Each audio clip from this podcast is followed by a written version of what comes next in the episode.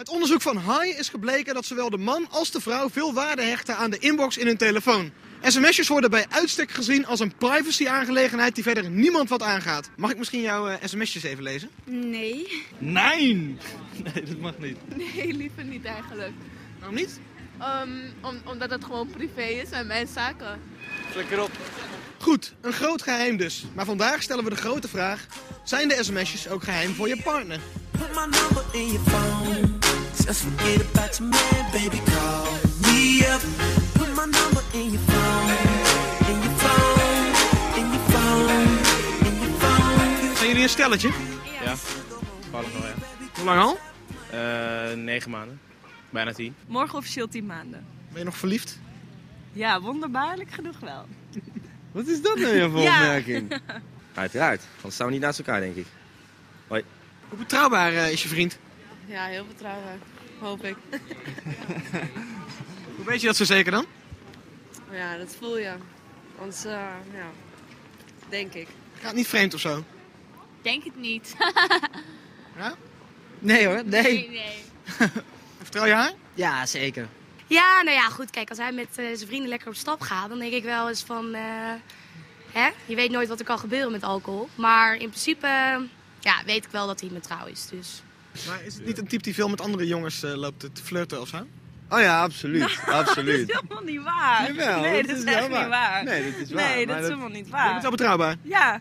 Heb je zin om mee te doen aan een korte relatietest? Eh, wat voor test? Pak maar even je mobiele telefoon.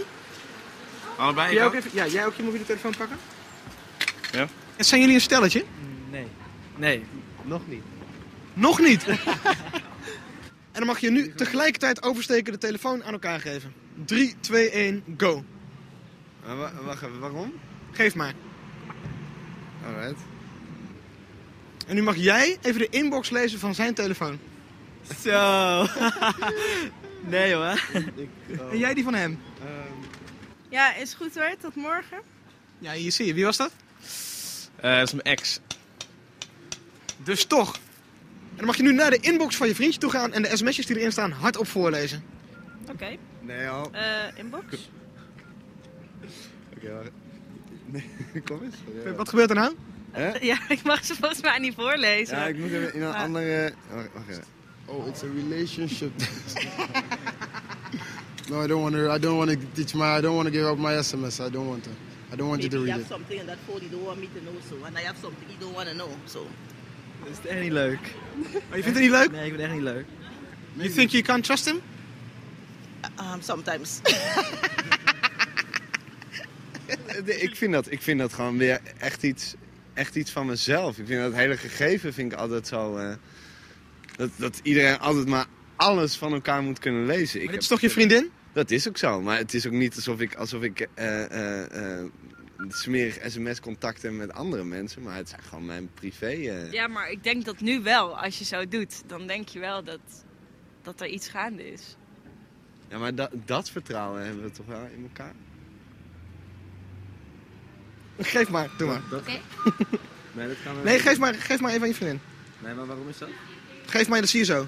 Ja, maar dit ik wil, eerst weten, ik wil eerst weten waar het om gaat. Nee, maar geef die telefoon gewoon even aan je vriendin. Even gelijk oversteken. Maakt uit. Nee, dat gaan we Niks niet doen. verbergen. Nee, nee, dat gaan we niet doen. Waarom niet? Ja, waarom wel? Ja, het is toch iets wat ook een beetje in... eh, Nee, ik ga het niet doen. Ik ga er niet in meewerken.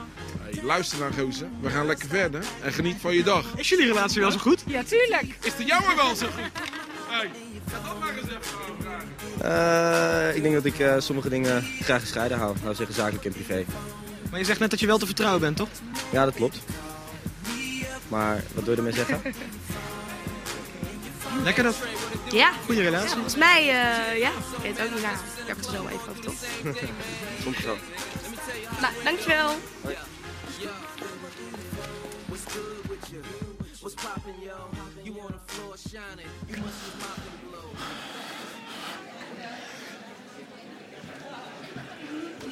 Ja, dat is eh, veelzeggend. Hè? Je kunt er wel even over doorpraten.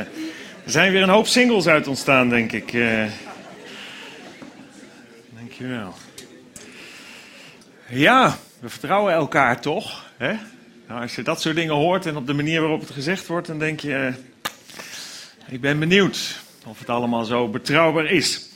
Ja, daar gaan we over nadenken. Ook deze keer weer, eh, de vijfde keer alweer in deze zesdelige serie. Over simpelweg gelukkig zijn. We gaan nadenken over relatie, over het huwelijk. En dat is een verlangen wat we allemaal met elkaar delen. Dat weet ik zeker. We willen allemaal, zoals we hier zitten. eh, ik ken maar een aantal van jullie, maar we willen allemaal graag simpelweg gelukkig zijn. En ja, wat we merken is dat we het wel graag willen, maar dat het niet zo simpelweg is. Dat het niet zo makkelijk is om gelukkig te zijn. Wat we weten is dat geluk niet afhangt van, van bezit, van geld en, en van materialisme en zo. Dat snappen we allemaal. Geluk heeft alles te maken met relaties en dan met name met, met liefdevolle, met romantische relaties. En veel Nederlanders hebben die ook, heel veel zelfs. Van de 12 miljoen volwassenen in Nederland hebben 10 miljoen een vaste relatie. 7 miljoen zijn met elkaar getrouwd, dus zo'n 3 miljoen hebben, wonen samen, hebben een andersoortige vaste relatie. En 2 miljoen eh, mensen zijn om verschillende redenen single. En de meeste delen in deze serie, en als je alle delen van de serie hebt gevolgd, is je dat misschien ook wel opgevallen. Deze serie over geluk, de meeste delen gaan over het huwelijk. En niet alleen omdat er zoveel mensen getrouwd zijn, maar ook omdat de huwelijksband tussen man en vrouw ons het dichtst kan brengen bij een relatie, althans op het aardse vlak gesproken, het dichtst kan brengen bij een relatie waar we meest, en in, meest intens naar verlangen. Een relatie die ons ook echt gelukkig kan maken. Dat wil zeggen, als het goed gaat. Want ook heel vaak gaat het fout. En misschien is dat ook wel de ervaring in je eigen leven. Dan is het een relatie, zeker natuurlijk, wat je ook diep ongelukkig kan maken. Als het fout gaat. En des te meer reden om er aandacht aan te besteden. Om erover na te denken. Als je getrouwd bent, als je van plan bent te gaan trouwen. Als je misschien getrouwd bent geweest en, en de dingen die je hoort weer kunt doorgeven aan anderen. Want zo ernstig als we ernaar verlangen om gelukkig te worden in ons huwelijk, zoveel zien we dingen ook fout gaan. En daarom is het goed om daarover na te denken. In de eerste en de vierde dienst heb ik al iets gezegd over het belang van één worden. Van twee personen die samen in het huwelijk één worden. En dat één worden, dat betekent dan een geestelijk, emotioneel en lichamelijke eenwording. Dat hele pakket hoort bij elkaar. En dat kan ons samen brengen tot die diepe verbondenheid waar we zo gelukkig van worden. Waar we eigenlijk ten diepste in het huwelijk allemaal naar verlangen. In de Bijbel lezen we het volgende. Ik heb die tekst al wel eens eerder gelezen in deze serie. Daarom zal een man zijn vader en moeder verlaten. En waar slaat dat daarom op? Nou, net daarvoor, de teksten daarvoor, gaat het over hoe man en vrouw voor elkaar bedoeld zijn om een relatie te hebben. Om een koppel te zijn. Dus niet om altijd bij je ouders te blijven wonen, maar juist om uit te vliegen en samen een koppel te vormen. Daarom zal een man zijn vader en zijn moeder verlaten en zich aan zijn vrouw hechten en zij zullen tot één vlees zijn. Lichamelijk, geestelijk, emotioneel. Een eenwording. En dat is ook het thema van vandaag, want het thema is 1 plus 1 is 1. En dat is de bedoeling van het huwelijk. 1 plus 1 is 1. Een versmelting waarbij je niet als een soort van twee individuen, maar continu gescheiden in het huwelijk staat. Als een soort van broer- en zusrelatie, wat je veel ziet gebeuren. Maar dat je echt met elkaar versmelt en die diepe verbondenheid en liefde, die er natuurlijk mogelijk is, ook daadwerkelijk gaat ervaren. Nou, het ondertitel van dit thema is Mijn leven is van mij, doorgestreept, mijn leven is van jou. Of eigenlijk vul maar in hoe jij daarin staat. Want voor de dienst uh, draaide er een nummer. Ik, ik, ik, kan me niet voorstellen dat je het nummer echt goed hebt gehoord. Zeker de tekst niet echt goed hebt gehoord. Iedereen liep toen nog rond. Het was een beetje vooraf. Maar het was een nummer met de titel Mijn leven is van mij. Gezongen door Pia Douwers. En ik kan me voorstellen, zei ik al, dat je de tekst absoluut niet mee hebt gekregen. Dus we gaan nog even naar die tekst kijken. Want die tekst is niet onbelangrijk in het kader van deze dienst. 1 plus 1 is 1. Het krijgen van verbondenheid. Zij zingt, ik wil niet gehoorzaam, getemd en onpassend zijn. Ik wil niet fatsoenlijk, geremd en volwassen zijn. Ik ben niet van jou, nee, ik ben vrij, mijn leven is van mij. Nou, zo'n eerste stukje van dat lied past helemaal in de tijd waarin wij leven. Ik ben van mezelf, ik bepaal zelf wat ik wil. Ik wil autonoom zijn. Auto betekent vanzelf, nomos betekent wet. Ik wil dus zelf de wet bepalen. Ik bepaal zelf wat ik doe. Dat is, nou ja, eigenlijk wel wat onze maatschappij eh, steeds meer naar voren brengt. Mijn leven is van mij. En, en dan gaat het lied nog verder, hè, om, om maar te laten zien hoe vrij de persoon is en wat de persoon allemaal wil. En dan lezen we in het tweede coupletje: Op het ijs wil ik schaatsen en zelf zien hoe lang het houdt. En zak ik er doorheen, dan heb ik het voorlopig koud. Dacht ik bij mezelf daarachteraan. Want het is natuurlijk een risico wat je neemt. Het is wel leuk, maar het is toch een risico.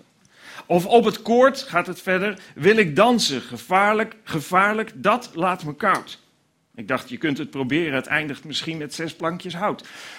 Maar dat is ook weer een gedachte die erachteraan kwam bij mij. Dat ik denk van ja, maar dat is wel een groot risico. Dat is wel leuk, het klinkt wel stoer, maar is het wel verstandig? Ik ga voor geen, risico opzij, geen risico's opzij. Mijn leven is van mij. De vraag is natuurlijk hoe lang blijf je op die manier ook daadwerkelijk leven om daarvan te genieten. En dan gaat het verder. Mij kun je niets leren met dwang en met straf. Ik weiger te buigen voor plicht. Wil jij me bekeren, dan wend ik mij af en vlieg als een meeuw naar het licht. Ik wil alles leren, vrijwillig, zonder dwang. Wil alles riskeren, want ik ben voor niemand bang. Zo vecht ik en worstel ik me vrij. Mijn leven is van mij. Ook dat klinkt prachtig, maar ik kan je met aan zekerheid grenzende waarschijnlijkheid zeggen dat deze persoon die zo in het leven staat, niet de vrijheid gaat ervaren waar hij naar op zoek is. Sterker nog, met deze houding kom je tot gebondenheid. Is het niet dat je in de bak komt ergens, dan kom je wel in het ziekenhuis gekluisterd aan een bed of op welke manier dan ook ontstaat er een binding, want in wezen speel je met vuur en ben je alleen maar gericht op jezelf. En dat leidt juist tot gebondenheid. In jezelf gekeerd. In jezelf gevangen. En dan gaat het verder. Ik wil me niet schikken voor niemand een voorbeeld zijn. Nou, dat is dan nog uh, geruststellend, dat niet te veel mensen het overnemen. Ik wil niet door blikken van anderen beoordeeld zijn. Ik hou niet van huigelarij, het leven is van mij. En wil je me binden, dan krijg je protest. Zo hard als ik kan, schreeuw ik nee. En mocht je me vinden, verlaat ik het nest en duik als een meeuw in de zee. Ik hunker naar vriendschap en wil graag geborgen zijn. Ik deel in jouw blijdschap en ook als er zorgen zijn. Maar verlang niet mijn leven. Dat kan ik jou niet geven. Mijn leven is van mij, van mij. Nou, ik kan met zekerheid zeggen dat als deze tekst jouw levensmotto is voor je relatie, voor je huwelijk, ehm, dat je niet gelukkig gaat worden. Als je al een relatie krijgt, als je al in staat bent om een bestendige relatie te krijgen, je zult nooit gelukkig worden. En het bijzondere is dat dat zo in een tussenregeltje eigenlijk ook even wordt genoemd in dat lied. Zij zei namelijk, ze zong, ik hunker naar vriendschap en wil graag geborgen zijn. Ik hunker naar vriendschap en wil graag geborgen zijn. En dat kan ik me voorstellen, dat ze hunkert naar vriendschap en graag geborgen wil zijn. Maar op deze manier kun je dat wel vergeten. Eigenlijk is het, wat ze uitspreken in die ene regel, een hunkering naar liefde, naar acceptatie, naar relatie. Maar liefde, liefde volgt niet de weg van nemen, maar liefde volgt de weg van geven. Liefde volgt niet de weg van rechten, maar liefde volgt de recht van plichten, van verantwoordelijkheden die je wilt nemen voor de ander. Liefde volgt niet de weg van ik, maar volgt de weg van jij en wij. Liefde volgt niet de weg van egoïsme, maar liefde volgt de weg van altruïsme. Je bereid bent jezelf te geven in plaats van de ander voor jezelf te eisen. Liefde volgt niet de weg van autonomie, waar je zelf de wetten maakt. Maar liefde volgt de wet van heteronomie. Waar je eigenlijk accepteert dat er een ander is die kaders geeft. Of het nou een overheid is of het is God die de kaders geeft. Maar waar je accepteert dat er anderen zijn die kaders geven. Zo wil God ook kaders geven. Waarom? Omdat hij graag wil dat je gelukkig wordt. Heel veel mensen die getrouwd zijn, hunkeren ook naar vriendschap. Hunkeren ook naar geborgenheid. Maar vinden dat heel regelmatig zelfs in hun huwelijk niet. Waarom? Omdat dit zo vaak, dat wat we in het lied hoorden, zo vaak het uitgangspunt is waarmee we in het leven staan. Ik, mijn rechten. Wat ga jij voor mij doen? Wanneer ga jij dat voor mij regelen? En dat leidt niet tot verbondenheid. Dat leidt niet tot die eenheid. En alleen die eenheid kan je dat geven waar je zo intens naar verlangt. Ja, dat gevoel, dat was er nog wel toen je verliefd was. Toen je net elkaar leerde kennen. Toen had je nog zo'n roze bril op, zeg maar, met roze glas. En alles was fantastisch. Toen, toen had je nog alles voor elkaar over. Dat weet ik nog wel. Toen ik net verkering had met Ellen. Nou, ik wilde wel van hier tot Amsterdam lopen om het te kunnen zien. Dat maakte me niks uit. Maar als je niet oppast, voor je het weet, ben je nog niet eens bereid om vanaf hier tot de afstandsbediening te lopen voor je vrouw. Om die voor haar te pakken. Zo kan die verbondenheid en die liefde zomaar een heel stuk weggaan. Toen was er nog een tijd dat je elkaar echt onvoorwaardelijk accepteerde. Die ander was geweldig. En daar was niks mis mee. Toen ging je ook in alles nog van het goede uit. Was je in alles positief. Misschien weet je dat nog wel. Ja, dat was, dat was een prachtige tijd. Verliefdheid is een prachtige tijd, maar verliefdheid is niet hetzelfde als liefde, als een bestendige liefdesrelatie. Verliefdheid is net als in je broek plassen. Iedereen ziet het aan je, maar alleen jij hebt dat warme gevoel. Dat is verliefdheid. Dat is verliefdheid. Maar een bestendige liefdesrelatie, dat is wat anders. Dat is wat anders. Dat gaat veel verder. En weet je nog, weet je waarom dat gevoel er nu niet meer is? Dat gevoel van verliefdheid. Omdat die ander helemaal niet zo leuk blijkt te zijn als dat je dacht. Als dat je door die roze bril zag. Als die roze wolk eenmaal verdwijnt, zie je in één keer hele andere dingen in die persoon. En dan denk je ineens, hè, waar komt dat vandaan? Of hoe kan die nou zo zijn? Dan word je ineens geconfronteerd met twee verschillende karakters. Allebei je eigen karakters, allebei met de scherpe kantjes, allebei met je nare kanten en tekortkomingen. Dan ineens word je geconfronteerd met soms twee verschillende culturen waarin je bent groot geworden. Soms word je ineens geconfronteerd met twee verschillende manieren waarop je bent opgevoed. Je komt allebei uit een ander nest en ineens komt dat samen. Of ineens ontdek je dat je twee verschillende sets waarden en normen hebt. Die, die eigenlijk soms hier en daar haaks op elkaar staan. En dan begint de uitdaging. Dan begint de uitdaging, want daar gaat het om. Het doel van het huwelijk is dat je één wordt. Dat je met elkaar versmelt. En die diepe verbondenheid van liefde met elkaar gaat ervaren, die bestendig is. Je zou kunnen zeggen dat je jaar na jaar verliefd bent op elkaar. Vanuit die diepe verbondenheid.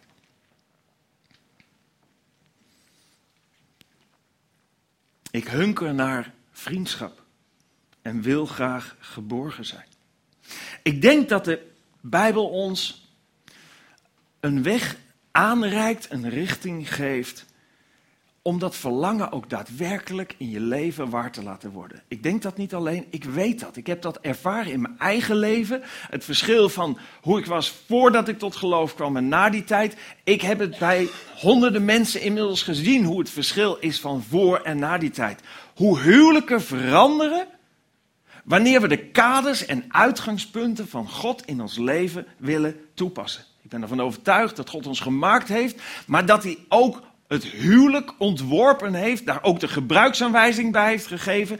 En wanneer we dat gaan volgen, wanneer we daar acht op slaan wat liefde eigenlijk betekent, dat dat meteen effect heeft op je relatie.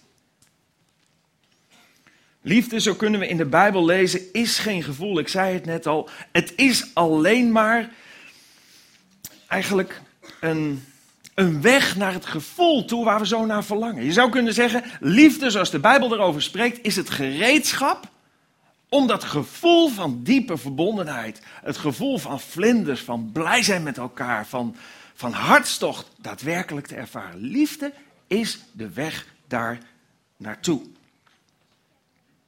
Liefde is een werkwoord. Door liefde te doen vind je waar je ten diepste naar op zoek bent.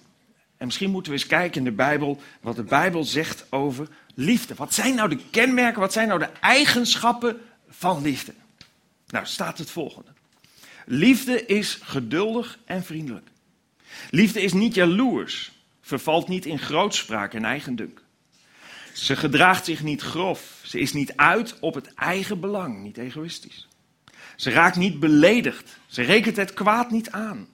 Ze verheugt zich niet in onrecht, ze vindt vreugde in de waarheid. Ze kan alles verdragen, ze blijft geloven, blijft hopen, nooit geeft ze het op. En we kunnen vandaag niet bij al die verschillende kenmerken van liefde stilstaan. Dan zou de dienst heel lang duren. Ik pik er een aantal uit. En als jullie te veel op de stoel beginnen te draaien, sla ik er misschien ook wel een paar over. Maar een aantal wil ik eruit pikken om met je over na te denken. En waar je je voordeel mee kunt doen als je getrouwd bent. Dan kun je toepassen. Misschien ben je wel onderweg naar een huwelijk. Kun je erop voorbereiden. Misschien ben je niet getrouwd en kun je doorgeven aan anderen. Kun je anderen er een plezier mee doen. De eerste, en daar begon de tekst mee. Liefde is geduldig. Nou, ik zei al, het proces van eenwording is een proces van lange adem. Van, dat is echt een intensief en moeilijk proces. En dat begint met geduld. Geduld om die tijd met elkaar door te komen. De allereerste dienst las ik wat uit het boekje Mysterie van het huwelijk. En ik wil dat nog een keer lezen. Het is een belangrijke handreiking. Daar staat, de meeste mensen beseffen niet waar ze bij de huwelijkssluiting voor tekenen. dan hebben we allemaal nog zo'n Cinderella-syndroom. Allemaal assenpoester en prins en prinses en denken, komt er allemaal goed. En het wordt allemaal fantastisch en ze leven nog lang en gelukkig. Maar, maar er komt wel wat meer bij kijken. Want het huwelijk is in al zijn aspecten een daad van toegeeflijkheid. En bereidwillige onderwerping aan die ene andere persoon. Met als gevolg een pijnlijk proces van onderwerpen en uiteindelijk afsterven van de eigen wil. Het huwelijk heeft geen kans van slagen zonder ten eerste de voorwaarden voor deze innerlijke strijd volledig te aanvaarden, inclusief de toestand van persoonlijke belegering waarbinnen deze strijd geleverd moet worden. Nou, dat is een enorme volzin. En nu denk je, als, als je nu voor het huwelijk staat, denk je, wil ik dit nog wel? Maar ja, je wil dit. Nee, je wil niet die moeite eigenlijk. Tuurlijk niet. Je wil ook meteen een diploma krijgen, maar dat lukt ook niet. Moet je ook voor leren. Je wil graag gelukkig worden en dit is de weg naar geluk. Het gaat nog verder. Ten tweede dienen de huwelijkspartners er volledig van doordrongen te zijn dat hun eigen ik in deze strijd niet als winnaar uit de bus mag komen. Het huwelijk is op zijn best een wedstrijd waarbij elke partij aan het verliezen is. Om uiteindelijk samen te winnen. Een touwtrekwedstrijd tussen twee willen die beide even vastberaden zijn niet te winnen. Alleen met zonhouding heeft het huwelijk kans van slagen. Intensief proces. Ik wil niet winnen. Ik, ik, ik kan wel altijd gelijk willen hebben. Maar als ik altijd gelijk heb, maar ik verlies je, wat heb ik dan? Wat heb ik dan gewonnen? Ik wil juist met jou zoeken naar die eenheid. Hoe kunnen we versmelten met elkaar? Dat kan alleen als je bereid bent om delen van jezelf op te geven ten gunste van die eenheid. Moeilijk proces. Maar geduld kan je helpen om dit proces door te komen. Een ander belangrijk kenmerk uit die opsomming van kenmerken van liefde. De liefde is niet uit op eigenbelang. Egoïsme is de dood in de pot als het gaat om liefde en een huwelijk. Ik zeg altijd tegen stellen die gaan trouwen: trouw niet om gelukkig te worden. Trouw niet om gelukkig te worden. Trouw om gelukkig te maken. Wees in je huwelijk gefocust op het geluk van je partner. Dat is de enige manier om zelf gelukkig te worden. Als je egoïstisch bent, als alles gefocust moet zijn op jou, als jij het belangrijkste altijd bent en het middelpunt en daar moet iedereen voor hollen, wordt het geen feest. Zeker ook niet voor jezelf. Nou, hoe kom je er dan achter waar je partner gelukkig van wordt? Want ja, daar moet je het dan toch weten. Al- Als, als ik Ellen gelukkig moet maken, dat is mijn opdracht natuurlijk, voor zover als het mogelijk is voor mij, ja, dan moet ik wel weten van haar wat haar gelukkig maakt. Hoe kom je daar nou achter? Nou, daar kom je achter door te praten. Praten. Over, over dingen die meer dan alledaagse dingen zijn.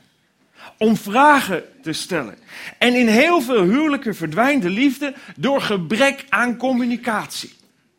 Ja, niet aan communicatie van, van, van allerlei dingen die we zeggen. Nee, communicatie die ertoe doet, die wat dieper gaat. We zongen net het nummer, of tenminste, ehm, Sonja en Elle zongen dat nummer. Words don't come easy.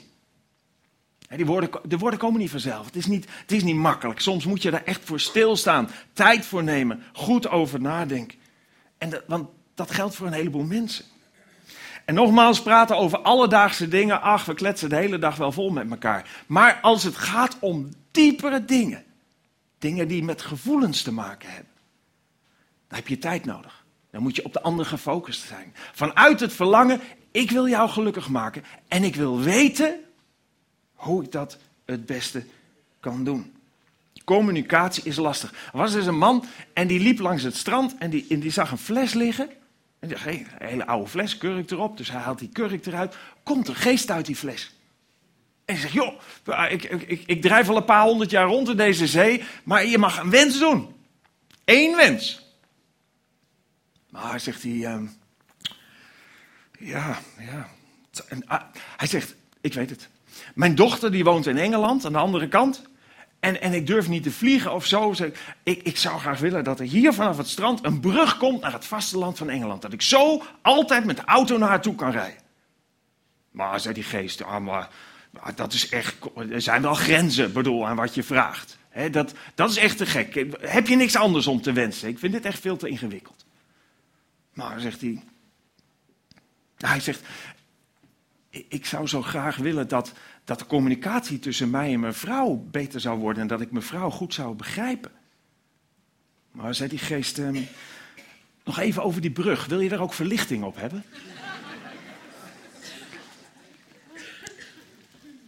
Communicatie is moeilijk. Communicatie gaat niet vanzelf goed. En daarom zeg ik altijd, ook stellen, we hebben, we hebben net weer eh, huwelijksvoorbereiding en huwelijks-APK gedaan voor het onderhoud van het huwelijk. En ik heb het iedere keer, we waren twee avonden en een ochtend bij elkaar, iedere keer gezegd, jongens, pak je agenda, plan een moment in de week om samen huwelijkstijd te hebben. Om samen met elkaar te praten over dingen die ertoe doen. En de week daarna vroeg ik dan wie heeft het gedaan. Nou, dan waren er, het werd steeds iets meer, want ik ben er heel drammerig over. Waarom? Omdat ik weet hoe belangrijk het is. Heel vaak hebben we gesprekken met mensen die een huwelijk vastlopen. En dan zeg ik, joh, toen je ging trouwen, weet je nog, we hebben huwelijksvoorbereiding gedaan. Toen heb ik dat gezegd. Ja, daar zijn, daar zijn we eigenlijk niet aan toegekomen. Ik zei, nee, dat snap ik wel, daarom zit je hier ook. Want als je er wel aan toegekomen was, had je een heleboel van die problemen kunnen tackelen. Maar nu heb je geen tijd daarvoor uitgetrokken. En daarom gaat het ook fout. Dus wat doe je? Koop dit boek, of een ander boek, maar dit is een handig boek. In dit boek staan 100, dag 162 onderwerpen over het huwelijk. Alles erop en eromheen. En alles wat, wa- wat je niet maar zo op een, zondag, een regenachtige zondagmiddag binnenschiet als thema om over te gaan praten. Echt serieuze thema's over het huwelijk. Nou, ik zeg altijd, maak, eh, 100, pak 162 briefjes, of maar scheur het. En nummer 1 tot 162, vouw het dubbel, gooi het in een bak. En trek er iedere week een nummertje uit. En daar ga je het over hebben. Daar ga je het over hebben. Ga met elkaar de diepte in. En daarbij het volgende. Stel elkaar iedere week twee vragen. Twee vragen. De eerste vraag is: wat heb ik de afgelopen week gedaan of gelaten dat je als prettig hebt ervaren? Ja, dan kun je ook weten van, oh, dat vindt hij, dat vindt zij dus fijn. Hè? Nou, als, als ik dat doe met Elle, heeft ze altijd een hele lijst. Hele... Ik zeg, hou nou maar op, want ik word er verlegen van. Nee hoor. De tweede vraag die je altijd aan elkaar eh, stelt is de volgende. Wat heb ik de afgelopen week gedaan of gelaten dat je als onprettig hebt ervaren? Nou, Elle schiet nooit wat er binnen. Denken, denken, wat zou het toch zijn? Nee hoor, dat weet ze echt wel. En, en waarom wil ik dat weten? Ik wil dat graag weten omdat ik beter wil worden, wil groeien in haar gelukkig maken. Want daar word ik zelf ook gelukkig van. Daarom wil ik het weten. En daarom eh, stel ik zelf die vraag. Dan is het ook niet een, ik voel het niet als een aanval. Ik vraag haar om dat te zeggen. En ik reageer er niet op. Want als iemand daar wat over zegt, mag je er niet op reageren. Waarom? Nou, omdat je geneigd bent je te gaan verdedigen. Ja, maar, en ja, maar je weet toch wel die toestand. Nee, mond dicht, horen, erover nadenken. Waarom ervaart ze dit als onprettig? Luisteren en dan daarvan uit proberen daarop te handelen. Beide vragen stel je als het goed is met het geluk van je partner in het achterhoofd. Want de liefde is niet uit op eigen belang. De volgende uit dat hele rijtje, daar stond de liefde raakt niet beledigd en rekent het kwaad niet aan. De andere vertaling zegt de liefde raakt niet beledigd, is geen boekhoudster van het kwaad. En dat gaat over vergeving. Over de bereidheid om in dat moeilijke proces van groeien en beter worden en elkaar beter leren kennen, om fouten te kunnen maken en om vergeving te ontvangen voor die fouten. Je moet wel je berouw laten zien daarover, natuurlijk. Maar dan ten eerste bereid zijn om die fouten te vergeven, als de ander erom vraagt. En ten tweede, als je iets vergeeft, het ook te vergeten. Ja, misschien kun je het niet vergeten, niet meer op terug te komen. dat is zo leuk in die laatste vertaling. Dat liefde is geen boekhoudster van het kwaad. Die houdt er niet bij. Sommige mensen zijn in een relatie uitermate goed in het bijhouden van wat de ander allemaal fout deed. Oh, doe je dat nu weer zo? Dat deed 20, 22 jaar geleden. Toen en toen deed je dat ook al. Toen heb ik het ook al gezegd dat ik dat niet leuk vond. Dan ben je boekhoudster van het kwaad. Dan zit je alleen maar op te sommen wat de ander fout doet en continu oude koeien uit de sloot te halen. Dat werkt niet.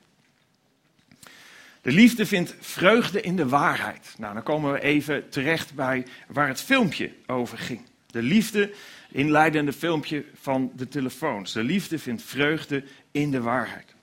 En om de waarheid te laten gedijen, is er absolute openheid nodig. Als je wil dat waarheid in je huwelijk een plek heeft, oprechtheid en waarheid, dan is er absolute openheid nodig. In het huwelijk zou geen privacy moeten zijn. En je ziet wat er van komt als mensen wel privacy hebben. Hoe zei dit ook weer? Ik hou van zaken en, en, en, en nog iets gescheiden te houden. Hij bedoelde te zeggen, ik hou ervan om gescheiden te houden wat ze mag zien en wat ik niet wil dat ze ziet. De dingen in de duisternis. Geen geheimen voor elkaar. Je bent open, je bent eerlijk. Als je mij een brief stuurt en je zet erop aan Peter van der Weert, eh, geheim, vertrouwelijk, weet ik veel waar je er allemaal op zet. Elle hoeft er nooit een seconde over na te denken, ze mag die brief altijd direct openmaken en lezen. En als ik hem zelf heb gelezen, dan laat ik hem haar lezen. Waarom? Omdat ik wil dat zij weet wat ik weet. En ik wil met haar over kunnen praten. Ik wil haar wijsheid ook in kunnen zetten in hoe ik moet reageren op dingen die op me afkomen. En zij doet dat net zo. Openheid. Als ik wat zoek, dan denk ik er nooit een seconde over na als ik denk dat het in haar tas zit, om haar tas te pakken en het daarin te zoeken. Daar hoef ik helemaal niet over na te denken. Kijk, de kans dat ik het vind is vrij gering hoor. Want uh, ik ben altijd bang dat ik maar niet prik en zo. Dus meestal ga ik met die tas naar haar toe en vraag ik of zij het even wil zoeken. Maar ze zal er geen moeite mee hebben als, dat, als ik dat doe. En ik ook niet. Als ze het bij mij doet of iets zoekt op mijn kantoor of in, in, in mijn jaszak of wat dan ook, voel je vrij. Wij zijn één. Wat ik heb, wat ik ben, is van jou en over en weer. Uh, mijn telefoon, hè, dat, dat, kwam voor in, dat, in het filmpje. Elle pakt regelmatig mijn telefoon En dat wil ik graag. En lees alle berichten die erop staan. Er is nooit een bericht gewist. Er wordt nooit wat in het tijdpad. Ze mag alles lezen. Het is functioneel ook, want ik vergeet altijd een heleboel dingen aan de door te geven die ik wel gecommuniceerd heb. Nou, dat, dat komt ze er allemaal achter wat dat is. Prima. Alleen maar heel goed. Ik vind dat prettig. En als ik bijvoorbeeld te laat thuis kom, of de ander het komt te laat thuis, later dan je verwacht eigenlijk, dan is het altijd goed om te vragen: hoe komt het dat je zo laat bent? Wat is er dan gebeurd? En één ding wat we altijd zeggen is tegenstellen: een ver- verboden woord in het huwelijk, of een verboden zin in het huwelijk is: vertrouw je me niet. Dat zei je net ook, in dat filmpje kwam het ook weer, maar dat vertrouwen hebben we toch wel onderling. Zo van, nou, als ik het daarop gooi, dan kan ik het lekker in de duisternis houden. Nee, het gaat hier niet om vertrouwen. Het gaat hier, eigenlijk vertrouw ik mezelf niet eens, weet je dat? En dat staat ook in de Bijbel. De Bijbel staat, een beentje lichter is het hart. Het mensenhart, hè, ons denken, onze begeerte. Een beentje lichter, oftewel een oplichter.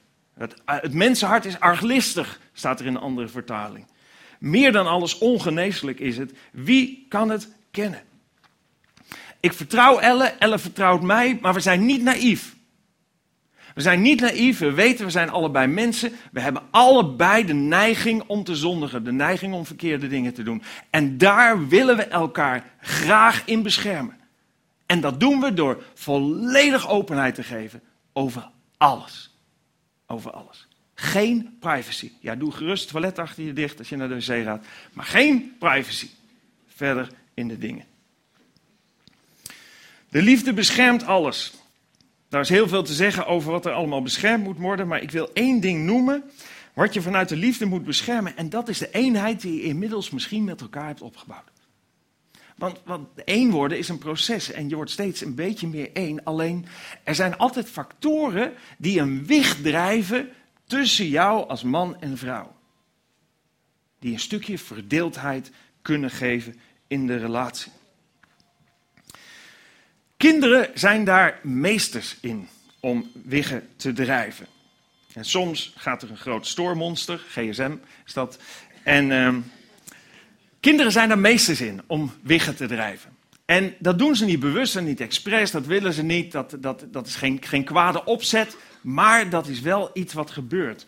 Verdeeldheid zaaien tussen papa en mama. En hoe?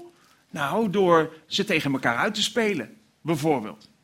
Want ja, je wilt toch graag dat ding hebben wat jij wil hebben. Dus als je het bij de ene niet krijgt, doe je het bij de ander. Of ontstaat het doordat man en vrouw de eenheid, je zou kunnen zeggen de coalitie die ze hebben als man en vrouw niet gesloten te houden. Maar dat zie je altijd zo mooi bij de, bij, bij de regering en zo. Dan komt er zo'n interviewer en, en die komt er dan naartoe en dan iemand interviewen van de regering over, over iets waar ze een beetje spanning over hebben. En dan zeggen ze, oh ja, dit is het standpunt van de regering. Maar wat vindt u er nou van? Of wat vindt uw partij er nou van? En dan zie je, en ze hebben natuurlijk allemaal mediatraining gehad, en dan zie je dat ze zeggen, het standpunt van de coalitie is, of het standpunt van de regering is, oftewel, ik ga jou niet vertellen hoe ik erover denk, want ik ben het er helemaal niet mee eens. Maar als ik dat tegen je zeg, dan drijft er een wig in onze eenheid, in onze coalitie. Nou, zo moet je ook geen wiggen toelaten in je huwelijk. En ook niet van je kinderen. Weet je hoe dat soms ook kan ontstaan? Ehm, als je met je kinderen aan tafel zit, zoals hier op dat plaatje, zo netjes hebben we de tafel meestal niet gedekt. Maar als je, als je zo aan tafel zit en er gebeurt iets. Ik kom zagrijnig van mijn werk, ik noem maar wat. En eh, kinderen zijn vervelend en ik reageer, omdat ik zo vervelend voel, reageer ik heel fout op de kinderen. Of, of ik geef ze heel erg straf, of eh, weet ik veel wat ik doe. Nou, heel gemakkelijk zou je een situatie kunnen hebben waar dan bijvoorbeeld de partner ertussen springt. En eigenlijk opkomt voor de kinderen. Dan is er een wig gedreven in je eenheid. Al moet je het dan allemaal maar gewoon toestaan. Dat je man zo doet of dat je vrouw zo doet. Nou, zolang er geen levensgevaar is, ja. Hou de gelederen gesloten.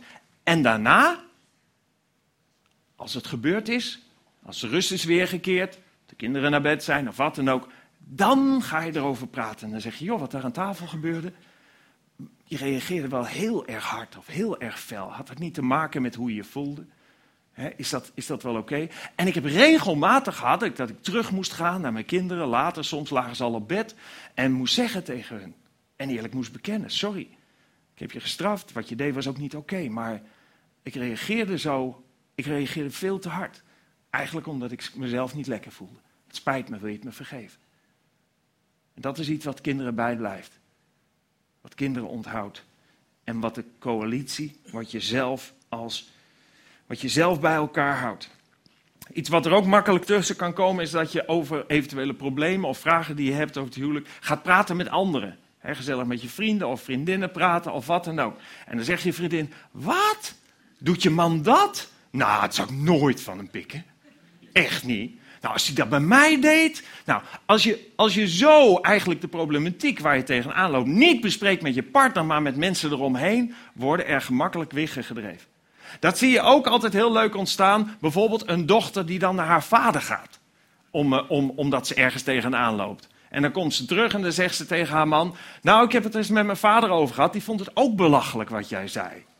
Nou, dat is echt constructief in een huwelijk hoor. Of, of, een, dochter, of, of een zoon die naar zijn moeder gaat. Hè, en dan met zo'n verhaal terugkomt. Dat zijn allemaal wiggedrijvers. Laat er niets tussen komen. De liefde beschermt alles. En als laatste, heb ik ze toch allemaal gehad. De liefde geeft nooit op.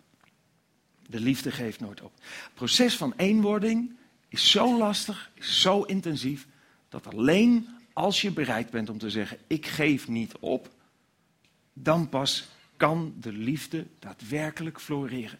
Heel vaak is een echtscheiding, zeg ik ook, een gemiste kans aan karakterontwikkeling. Had je nou maar volgehouden? Had je nou maar die achterdeur dichtgehouden? En was je er nou maar doorheen gegaan samen? Vanuit die kaders van liefde? Dan had je er iets moois uitgekregen. Maar nu, je geeft op. En dat is ook de reden dat God zegt: Ik haat de echtscheiding. Ik wil niet dat het gebeurt. Ik wil dat je in die arena blijft van die eenwording. Om die diepe verbondenheid waar je zo naar verlangt. En waar je daarna ook weer gewoon naar op zoek gaat. Om vervolgens weer teleurgesteld te raken. Want dezelfde persoon is daar weer bij. Jij. In die arena vecht om die eenheid te behalen. Ja, het huwelijk kan echt geweldig zijn, maar eigenlijk is het behalen, eigenlijk is het zoeken van die diepe verbondenheid een, een onmenselijke opdracht, zou je kunnen zeggen. Wie kan dat uit eigen kracht opbrengen? En misschien is het daarom dat de Bijbel zegt: zoek eerst Gods koninkrijk en zijn gerechtigheid.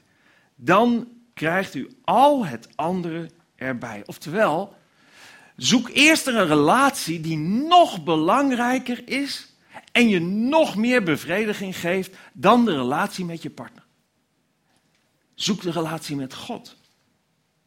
En dan zul je merken dat een heleboel andere dingen waar je naar op zoek bent, dat die vanzelf meekomen. Dat je gaat veranderen ten goede, waardoor het ook invloed heeft ten goede op je huwelijk en op je gezin.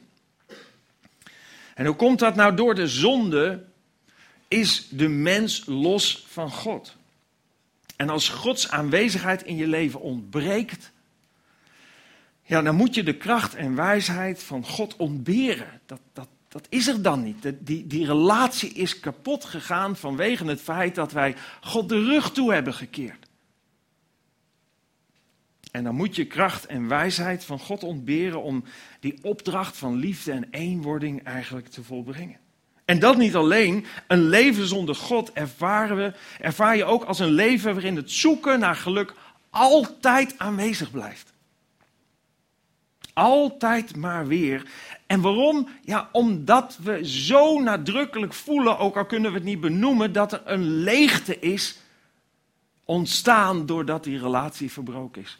En je kunt het zoeken in, in, in, in, in van allerlei dingen. In geld en in macht en in, in, pornografie en in, noem allemaal maar op. Allemaal dingen waarvan je denkt, als ik dat ga doen of ik me daarmee bezig houd, dan word ik echt gelukkig. En waarom zoek je naar dat geluk? Omdat die leegte in je zo wordt ervaren en je die zoekt op te vullen. En daar hebben we allemaal last van. Paulus zegt, alle mensen hebben zich van God afgekeerd. Ze zijn met elkaar de verkeerde weg opgegaan. Niemand doet wat goed is, zelfs niet één. Niet één. Dus we hebben allemaal hetzelfde probleem. We hebben allemaal ergens in ons leven hetzelfde probleem gekregen. En als het niet opgelost is, dan heb je het probleem nog steeds los van God. Hunkerend. Ik hunker naar vriendschap en wil graag geborgen zijn. Ten diepste is die hunkering niet alleen op het horizontale, maar nog meer op het verticale. Je hunkert en verlangt naar een relatie met God. En hoe wij als mens ook ons best doen om geborgen te zijn en om de liefde te vinden, we slagen er niet in. Want de zonde maakt de verbondenheid tussen God en mens onmogelijk. Maar God heeft het daar niet bij gelaten. En daar wil ik mij afsluiten. God heeft het daar niet bij gelaten. God heeft, zo staat er in de tekst in 1 Johannes, God heeft ons laten zien hoe groot zijn liefde voor ons is. Door zijn eigen zoon naar deze slechte wereld te sturen. Door hem wilde God ons nieuw leven geven. God wil dat we opnieuw verbonden raken met hem. De liefde waarover het hier gaat, is niet onze liefde voor God, maar zijn liefde voor ons.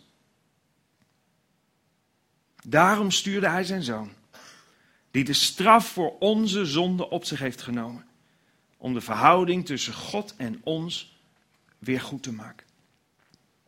Het offer dat de Heer Jezus Christus heeft gebracht, is een betaling, is een vergoeding voor onze tekortkoming en zonde. En dat betekent hoop voor iedereen die het aanvaardt. Het betekent hoop voor iedereen die ernaar verlangt om met God verbonden te zijn als bron van leven en liefde. Het betekent hoop voor iedereen die ervoor kiest om Jezus te willen volgen en gehoorzamen. En die oproep om te volgen, die klinkt in de Bijbel aan ons allemaal als je dat nog nooit als keuze in je leven hebt gemaakt. Petrus, de leerling van Jezus, liet die oproep horen aan een hele groep mensen van het Joodse volk die bij hem stonden te luisteren. En hij zei uiteindelijk tegen hen: begin een nieuw leven. Laat alles oude achter je. Begin een nieuw leven. En laat u dopen. Dopen, wat, wat we net al zagen, een uiterlijk teken van een innerlijke keuze. Angelique die een keuze heeft gemaakt om te zeggen: Ik ben de leegte zat. Ik ben al die zoektocht naar, naar binnen relaties en drank en zo. Ik ben het allemaal zat. Niks bevredigt me. Maar ik wil een nieuw leven. En ik wil me laten vullen door God. De enige die ons leven inhoud kan geven waar we naar op zoek zijn.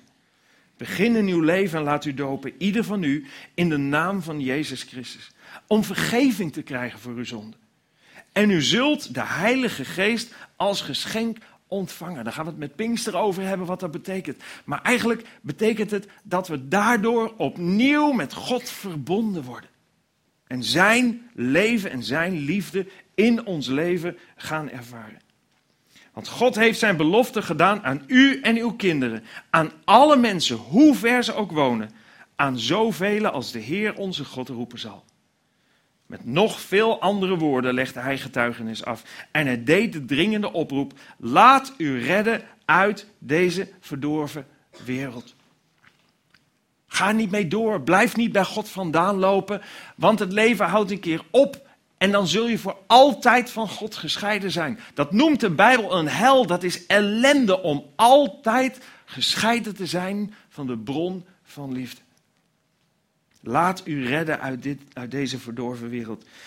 Zij die zijn woorden aanvaarden, lieten zich dopen. Die dag sloten zich ongeveer 3000 mensen bij hen aan. En die uitnodiging klinkt voor ons allemaal.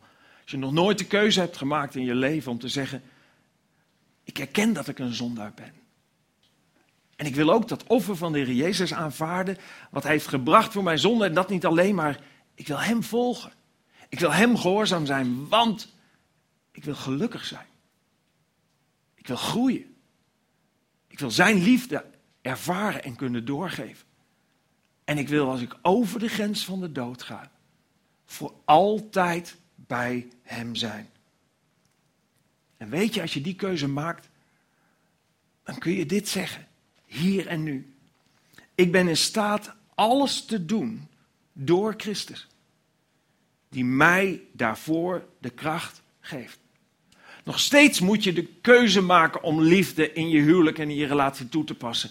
Maar niet uit eigen kracht, want dat hou je niet vol. Dan is het een onmenselijke opdracht. Maar is die relatie met God er, dan ben je aangesloten op de bron van liefde. En dan is het zijn kracht die door jou heen werkt. Als jij de wil,